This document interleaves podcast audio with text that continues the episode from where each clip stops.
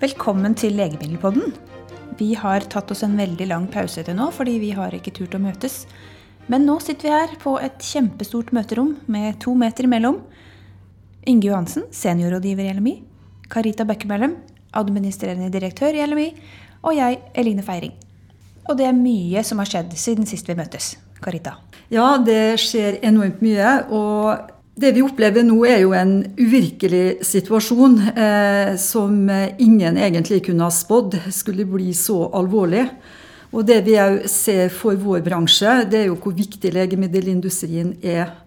Og det er jo oppi denne krisesituasjonen utrolig gledelig og veldig sterkt å se hvordan samarbeidet med andre partnere er for å løse denne krisa vi er oppi.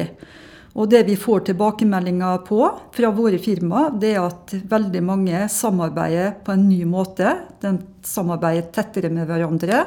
Og vi ser òg at eh, mange offentlige partnere er lettere å få kontakt med enn det en har hatt tidligere. I tillegg til det så ser vi òg at det åpnes opp for forskningsbibliotek, og mange rigger om fabrikkene sine. Det doneres penger og beskyttelsesutstyr. Og En annen viktig ting er jo at vi ser at våre selskap gir de ansatte med helsefaglig bakgrunn lønna permisjon for å kunne bidra i denne dugnaden for, eh, for fellesskapet vårt. Så, så langt eh, så har vi grunn til å være stolt over den enorme innsatsen vi ser fra en eh, samla legemiddelindustri. Mm. Det utvikles masse nye legemidler, og det jobbes med mange vaksiner. Eh, I dag starter verdens vaksineuke, World Immunization Week, som ledes av Verdens helseorganisasjon, og som har som mål å vise hvordan og hvorfor vaksiner er viktige for å beskytte oss. Mer aktuell har vel denne uka sjelden vært? Årets vaksineuke har aldri vært mer eh, viktig og aktuell enn det vi opplever nå. Og jeg håper og tror at eh, de aller fleste nå ser at det å bruke vaksinasjon det handler om å ha solidaritet med oss alle i samfunnet. Og jeg tror det at vi er nødt til å begynne å tenke på helse på en litt annen måte. At det handler om en helhetstenking. Alt fra det vi kan gjøre på forebyggende godt arbeid, men òg hvor viktig det er at vi får god behandling. Og dette får vi ikke til uten at vi har høy kunnskap, mye forskning. Vi er nødt til å være villige til å bruke ressurser når ikke krisa er der. Og på den måten så har vi muligheten til å komme med gode, langsiktige løsninger på nye situasjoner eh, som vi nå har sett gjennom denne pandemien her. Så vi har faktisk mange muligheter. og vår bransje har jo i mange år påpekt at svaret på utfordringene innenfor helsesystemet vårt, det er samarbeid og partnerskap og Vi ser jo gjennom denne krisa så langt at vi har helt unike muligheter gjennom gode, sterke akademiske miljø. En helt fantastisk helsesektor som er helt imponerende. Og Det samme vet vi om vår bransje, at vi har en helt unik kunnskap og en vilje til å være med og levere.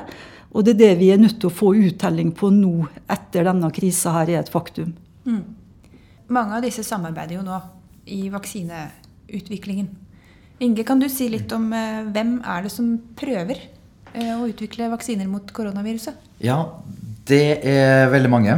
Eh, vi, vi gjorde noen erfaringer fra noen år tilbake fra ebola-utbruddet. Der vi så at verden var faktisk ikke så veldig godt forberedt. Man har tatt lærdom av det, og nå har, vi, nå har verden fått CEPI, en vaksinekoalisjon som koordinerer forskning og utvikling av, eh, av vaksiner. Så nå det, Vi er i en alvorlig situasjon, men vi er tross alt bedre forberedt eh, nå enn det vi, det vi, kunne ha vært. Men Inge, du har jo fulgt eh, dette fagfeltet nå gjennom mange, mange år. Og Føler du at det er en endring i holdningene? At flere ser verdien av at vaksiner er en enkel og en effektiv beskyttelse mot farlig sykdom? Det ser vi jo nå, særlig når vi har en eh, farlig sykdom. Så er det veldig mange som eh, ønsker å ha denne vaksinen. Så vi ser jo nå under koronapandemien at det er veldig, eh, veldig mye mindre vaksinemotstand enn det det ellers ville ha vært i en normal fredstid, om vi skal si det sånn. Fordi at vi får flokkbeskyttelse? Jeg tror nok det er veldig mange som nå er redd for, for konsekvensen av, av, viruset, og at det derfor er, er mindre motstand. Flokkbeskyttelsen er jo veldig, veldig, viktig, og derfor er det viktig at det er mange som, som tar vaksinen når, når den kommer. Vi er veldig heldige i Norge at vi har ganske god dekning på de vaksinene vi har.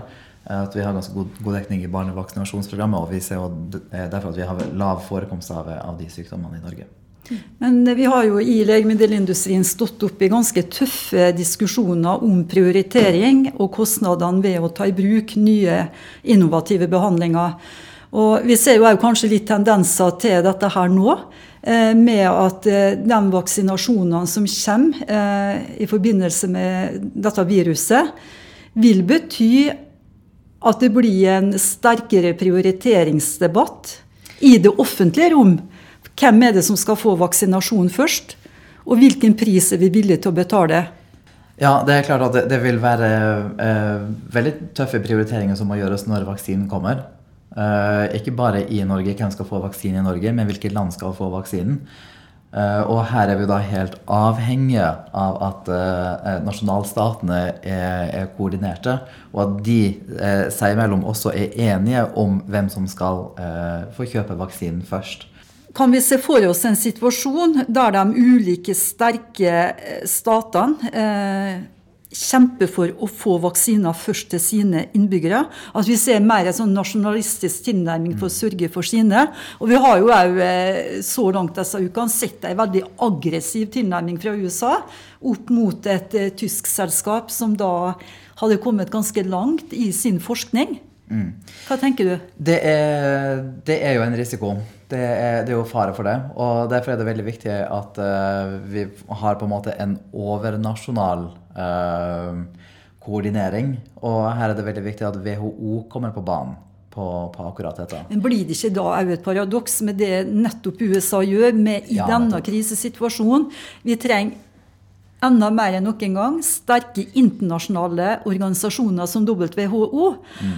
At, at fyrtårnet USA på en så lite demokratisk måte, diktatorisk, rett og slett velger å kutte støtten til Verdens helseorganisasjon. Mm. Altså i en normalsituasjon i forhold til alt av normal politisk forståelse og oppbygging av muligheter for det globale samfunnet vårt, at en velger å gjøre dette her?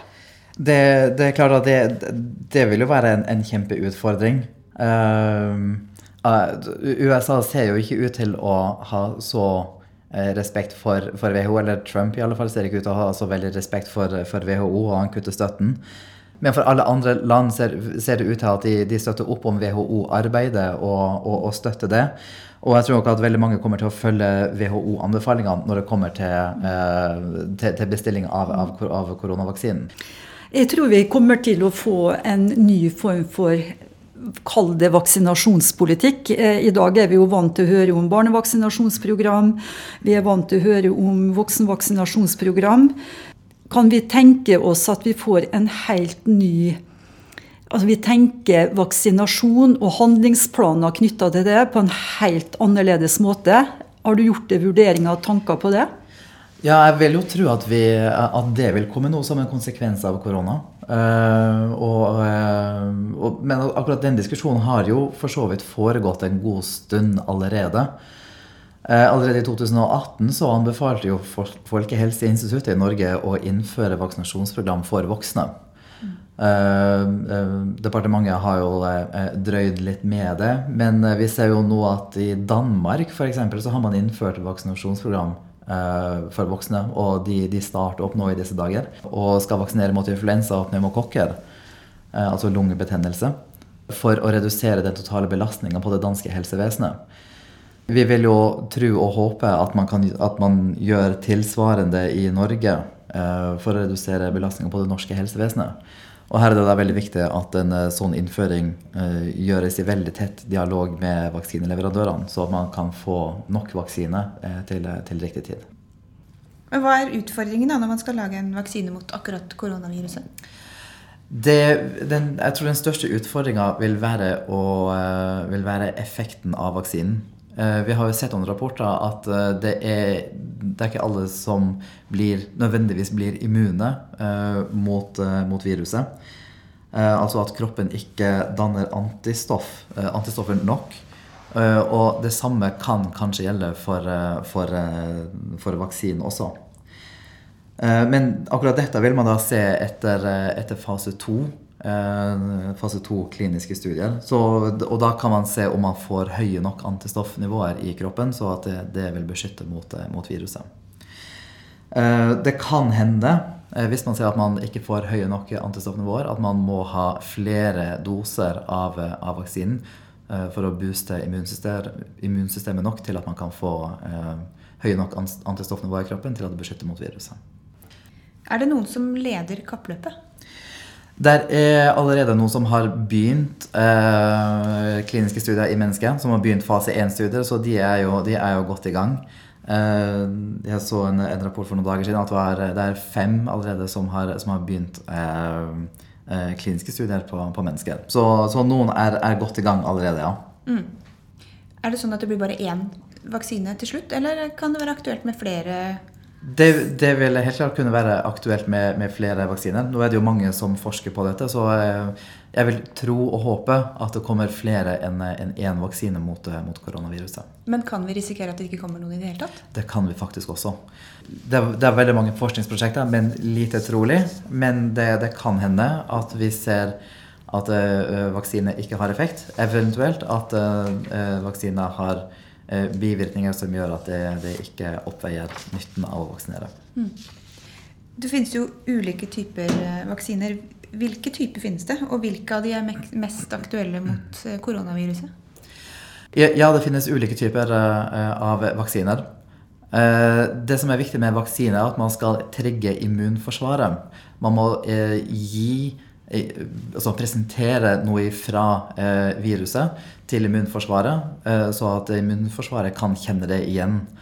Og det er flere måter å, å, gjøre det på. Det vanligste er jo at man produserer eh, viruset i egg utenfor kroppen.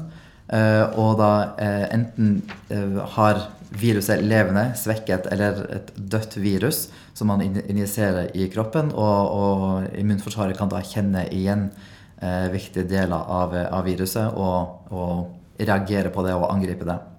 Men så har man noen nye teknologier òg, da. Eh, F.eks. en DNA-vaksine, der du kan injisere en, eh, en, bit av DNA. Dette DNA-et vil ha kode for eh, deler av virusoverflaten. Så at kroppen da kan kjenne igjen akkurat denne Eh, piggen, som man gjerne har sett på noen illustrasjoner. Så at kroppen kan kjenne igjen denne viruspiggen eh, som da er produsert i kroppen. Eh, så det er en ny måte å, å lage vaksine på. DNA-vaksine er i bruk i, i en del veterinærvaksiner. Men nå prøves det også ut til, til humanmedisin også, altså til, til bruk i mennesker også, på korona. Mm. Hvor lenge må vi vente da, før det kommer en vaksine? De fleste estimatene sier at eh, det vil ta 18 eh, måneder eh, før vi, før vi kan se en vaksine. Som sagt så er de, de første kliniske studiene, fase 1-studiene, er i gang allerede. Så må vi også gjøre fase 2 for å finne riktig dose. Fase 3 for å teste ut store Ja, teste ut mange mennesker for å se hvilken effekt vaksinen har. Og så er det da å få eh, vaksinen godkjent av myndighetene, og så, en, eh, produsere vaksinen. Men vanligvis så tar det jo inntil 15 år. Hva gjør at vi nå kan bruke to år? Eller ett og et halvt? Ett og et halvt, et og et halvt til to år. Nå har, man, eh, nå, nå, nå har, vi viruset, vi vet hvordan det ser ut. Eh, og kan eh, dyrke det i egg, og vi kan også lage eh, DNA-vaksiner basert på det. Eh, det er et veldig eh, stort samarbeid eh, koordinert av, av CEPI. Det er veldig mange som bidrar i denne forskninga. Og dermed så vil det gå raskere å gjøre en klinisk studie. Myndighetene ser også på såkalt regulatory flexibility, altså på hvilke, på, på hvilke måter kan man være fleksibel og, og få en, til en rask godkjenning av, av vaksinen når, når den er klar. Mm. Eh, nå under utviklinga så jobber forskerne også med å lage denne eh, dokumentasjonspakken, denne søknaden til, til myndighetene. Så at eh, den er, den er klar når man får resultatene fra, fra siste, siste kliniske studie. Mm. Så alle jobber raskere, men kan man også ta noen snarveier? Eh, ja, man kan, man kan ta no, noen snarveier, men det er, det er, viktig å understreke at man gjør ikke dette på bekostning av verken kvalitet, sikkerhet eller effekt. Så hvilke snarveier er det snakk om, da? Det er regulatoriske snarveier eh, og, eh, og, et samarbeid eh, i dette nettverket. Mm. Og at det er veldig mange som bidrar i, i kliniske studier også. Ingen fabrikk i verden er jo stor nok til å alene kunne produsere alle de vaksinene som vil kunne trenges når den endelig kommer. Hvordan skal man løse det? Verdens kapasitet på vaksineproduksjon ligger sånn ca. på 5 milliarder vaksiner, eh, vaksinedoser per år. Eh, så er det vel 1,5 milliard av disse som er vanlige sesonginfluensavaksiner. Så vi har en del kapasitet i verden, men det er jo da bundet opp i, eh, i eksisterende vaksiner. Ja, For vi kan ikke slutte å produsere de andre vaksinene vi også trenger? Da lager vi oss nye problemer. Ja. Bill Gates sier at han eh, bygger opp vaksineproduksjonskapasitet for, for flere av de, de, vaksinene som er under utvikling. Så at, så at alle de skal stå klare i tilfelle noen av de viser seg å være effektive. Men når i prosessen kan eh, produksjonen starte? Den kan faktisk starte ganske tidlig. Husk på at eh, det som gis i klinisk studie, er jo det, den vaksinen som, som, som, skal brukes senere. Så altså, den, den, kan starte nå. Men over til noe helt annet, som ikke er noe helt annet. For du jobber jo også med antibiotika ja. og antibiotikaresistens. Ja. Og det har vært nevnt at antibiotikaresistens kan være medvirkende årsak til de høye dødstallene i Italia og Spania bl.a. Hva tenker du om det? Ja, Det er jo nærliggende å tro at det, at det vil kunne ha en sammenheng med antibiotikaresistens. Nå er det så at Et høyt forbruk av antibiotika fører til en økt resistensutvikling. I Norge så har vi hatt et veldig lavt forbruk av antibiotika. Vi har vært ganske restriktive med antibiotikabruken vår. Og dermed så har vi også en eh, mye lavere resistensproblematikk. Eh, og det, er jo så at De bakteriene som vi infiseres av, eh, de kan jo da behandles med den antibiotikaen vi har eh, i, i, Norge i dag. Så resistensen har, har trolig en, en, finger med i spillet her på, på, på, dødstallene. Hva kan vi gjøre for å unngå resistens, da? Det er faktisk eh, litt enkelt. For å unngå resistens så må vi unngå å bruke antibiotika. Men så må vi da bruke antibiotikaen der den er nødvendig. Eh, så, eh, og det, den er jo nødvendig når vi er syke. Så det vi kan gjøre, det er å unngå å bli syk. Så nå er vi jo inne i en veldig god stim med å vaske hendene. Og da, det, og da vil vi få en eh, redusert smittespredning både av korona, men også av mange andre sykdommer. Bruk kondom, og ta de anbefalte vaksinene. Og, og dette vil også gjelde for både eh, vaksiner mot virus og mot bakterier. Og det er så at Antibiotika virker kun mot bakterier, men for en del virussykdommer så vil du kunne få en, en såkalt sekundær bakterieinfeksjon. Så får du en influensa, så har du lettere for å få en bakteriell lungebetennelse også. Ved å redusere virusinfeksjoner så vil du også kunne redusere uh, bakterielle infeksjoner også. Hvor stort er egentlig problemet med antibiotikaresistens? Hvis vi sammenligner det med, med, korona, eh, så ser vi at korona har hittil krevd 180 000 eh, liv. Eh, mens antibiotikaresistens, der dør det ca. 700 000 årlig. Så, det, så antibiotikaresistens er faktisk et, et, et veldig stort problem, og, og egentlig et, et, større problem enn en korona har vært til nå, i alle fall. Nå, er, nå, har jo antibiotikaresistens det er jo noe som har økt sakte og gradvis, og har, eh, har derfor fått veldig lite oppmerksomhet. Hva med nye antibiotika, da? Eh, ja, Nye klasse antibiotika det vil jo være et veldig stort fremskritt for, eh, for, en global folkehelse. Det har kommet en del nye antibiotika, men det er innenfor samme klasser som, eh, som tidligere. Det er flere tiår siden at vi fikk forrige eh, nye klasse av antibiotika. Nå er det så at Nye antibiotika, og særlig nye klasser antibiotika, de skal jo aller helst ikke brukes. Og det er jo for å unngå en resistensutvikling imot, imot disse antibiotikaene. Men når det skal brukes så lite som mulig, så er det vel ikke lønnsomt å utvikle heller? Eh, nye antibiotika de koster jo like mye å utvikle som skal kalle det for vanlige eh, legemidler. Eh, og uten en salgsinntekt på nye antibiotika, så vil det da heller ikke være mulig å dekke inn den utviklingskostnaden som det er å utvikle et nytt legemiddel. Så det vi har sett over de siste åra, at det er faktisk færre og færre som forsker på, eh, på antibiotika, på, på nye antibiotika. Er det noen som har lansert nye antibiotika i det siste? Hvordan har det gått med dem i så fall?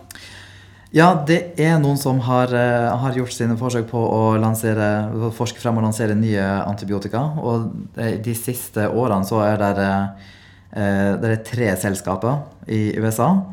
Keogen, Melinta og Aradigm. Eh, og de har, da, altså de har lansert nye antibiotika, men det er altså innenfor gamle klasser. Og alle de tre har faktisk gått konkurs. Så utviklingskostnaden for, eh, for de antibiotikaene eh, var mye høyere enn det de klarte å tjene, på dem. Så eh, de, de har gått, faktisk gått dukken. Mm. Og det, det, sier jo veldig mye om, om hvordan lønnsomheten er på, på, på nye antibiotika. Så det sånn ser mørkt ut? Sånn som systemet er i dag, så, så, ser det faktisk litt mørkt, ut. Men det er ikke helt bekmørkt. Hvis vi spoler 20 år tilbake så, eh, til, et annet felt da, på sjeldne sykdommer, så eh, kom EU med en ny såkalt orphan regulation, som gir insentiv til eh, forskning og utvikling på sjeldne sykdommer. Fordi de frykta at sjeldne sykdommer skulle komme til å, til å lide og tape kampen om, om forskningsmidlene. Eh, så der, i, i, denne orphan regulation så gir det da en markedseksklusivitet eh, eh for, eh, for, utvikling til, til sjeldne sykdommer. Og den har fungert sånn som det var designa, og nå ser vi at nå kommer det en bølge av legemidler eh, mot, eh, mot sjeldne sykdommer. Så det, det, det, de legemidlene vi ser nå, det er effekten av, av den reguleringa som trådte i kraft for 20 år siden. Hvis vi da eh, prøver å se det i, i, relasjon til antibiotika Vi kan faktisk gjøre en, eh, en tilsvarende regulatorisk endring eh, for å gjøre antibiotika lønnsomt igjen. Og Det finnes mange forskjellige løsningsforslag, eh, og jeg vil, jeg vil, nevne ett av, av de her. og Det er en overførbar vi kan kalle det for overførbar patentforlengelse. Så at du får en patentforlengelse på et annet legemiddel enn antibiotikumet. Og en sånn patentforlengelse vil da kunne dekke inn utviklingskostnaden for, for antibiotikum, antibiotikumet som kommer på, på markedet. Mm. Så overførbar da i den forstand at hvis du ikke har et eh, egnet legemiddel på, på, markedet, så vil du da kunne selge den rettigheten til et annet firma som har det. Og, og kan da dekke inn denne uh, utviklingskostnaden du hadde for antibiotikummet. Så i likhet med koronapandemien så er det samarbeid og uh, offentlige og private som må trå sammen for å få til en løsning? Et, et samarbeid er, tror jeg er, er, er, nøkkelordet. Både offentlig og privat. Og, og, og veldig bredt samarbeid for, for, å løse det meste. Både koronapandemien og antibiotikaresistens. Karita, tror du det kommer noe godt ut av denne elendigheten i andre enden? Ja, det er jeg helt overbevist om. Og det dette viser hver og en av oss, det er jo hvor utrolig sårbare vi er. Både som enkeltmennesker, men òg hvor avhengige vi er av hverandre som grupper og som samfunn i sin helhet. Og det vi opplever nå, det er jo en arbeidsledighet, eh, personlige tragedier. Enkeltpersoner som mister verdiene sine. Det er private, store konsern som eh, mister viktige verdier. Eh, vi ser òg en form for samfunnskollaps, der òg byrden på det vi kanskje har tatt som en sånn trygghet, som en selvfølge for framtidige generasjoner, nemlig oljefondet vårt, nå er blitt tappa av ressurser. og Det er vi helt nødt til å gjøre. Og hvis vi da får en vaksine, mm. så kan den vaksinen være med og få systemet opp og gå. Og det der er jeg håper samfunnet vårt etter hvert vil klare å se på legemidler sin innsatsfaktor faktisk ikke kun som ei utgift, men dette her er nødvendigheter vi er nødt til å ha for at vi skal sørge for bærekraftig, trygge, gode samfunn òg for ungene våre i årene som kommer. Takk for at dere kom i dette gedigne podkaststudio. Eh, vi møtes vel på samme måte flere ganger eh, så lenge vi må. Eh, takk for i dag.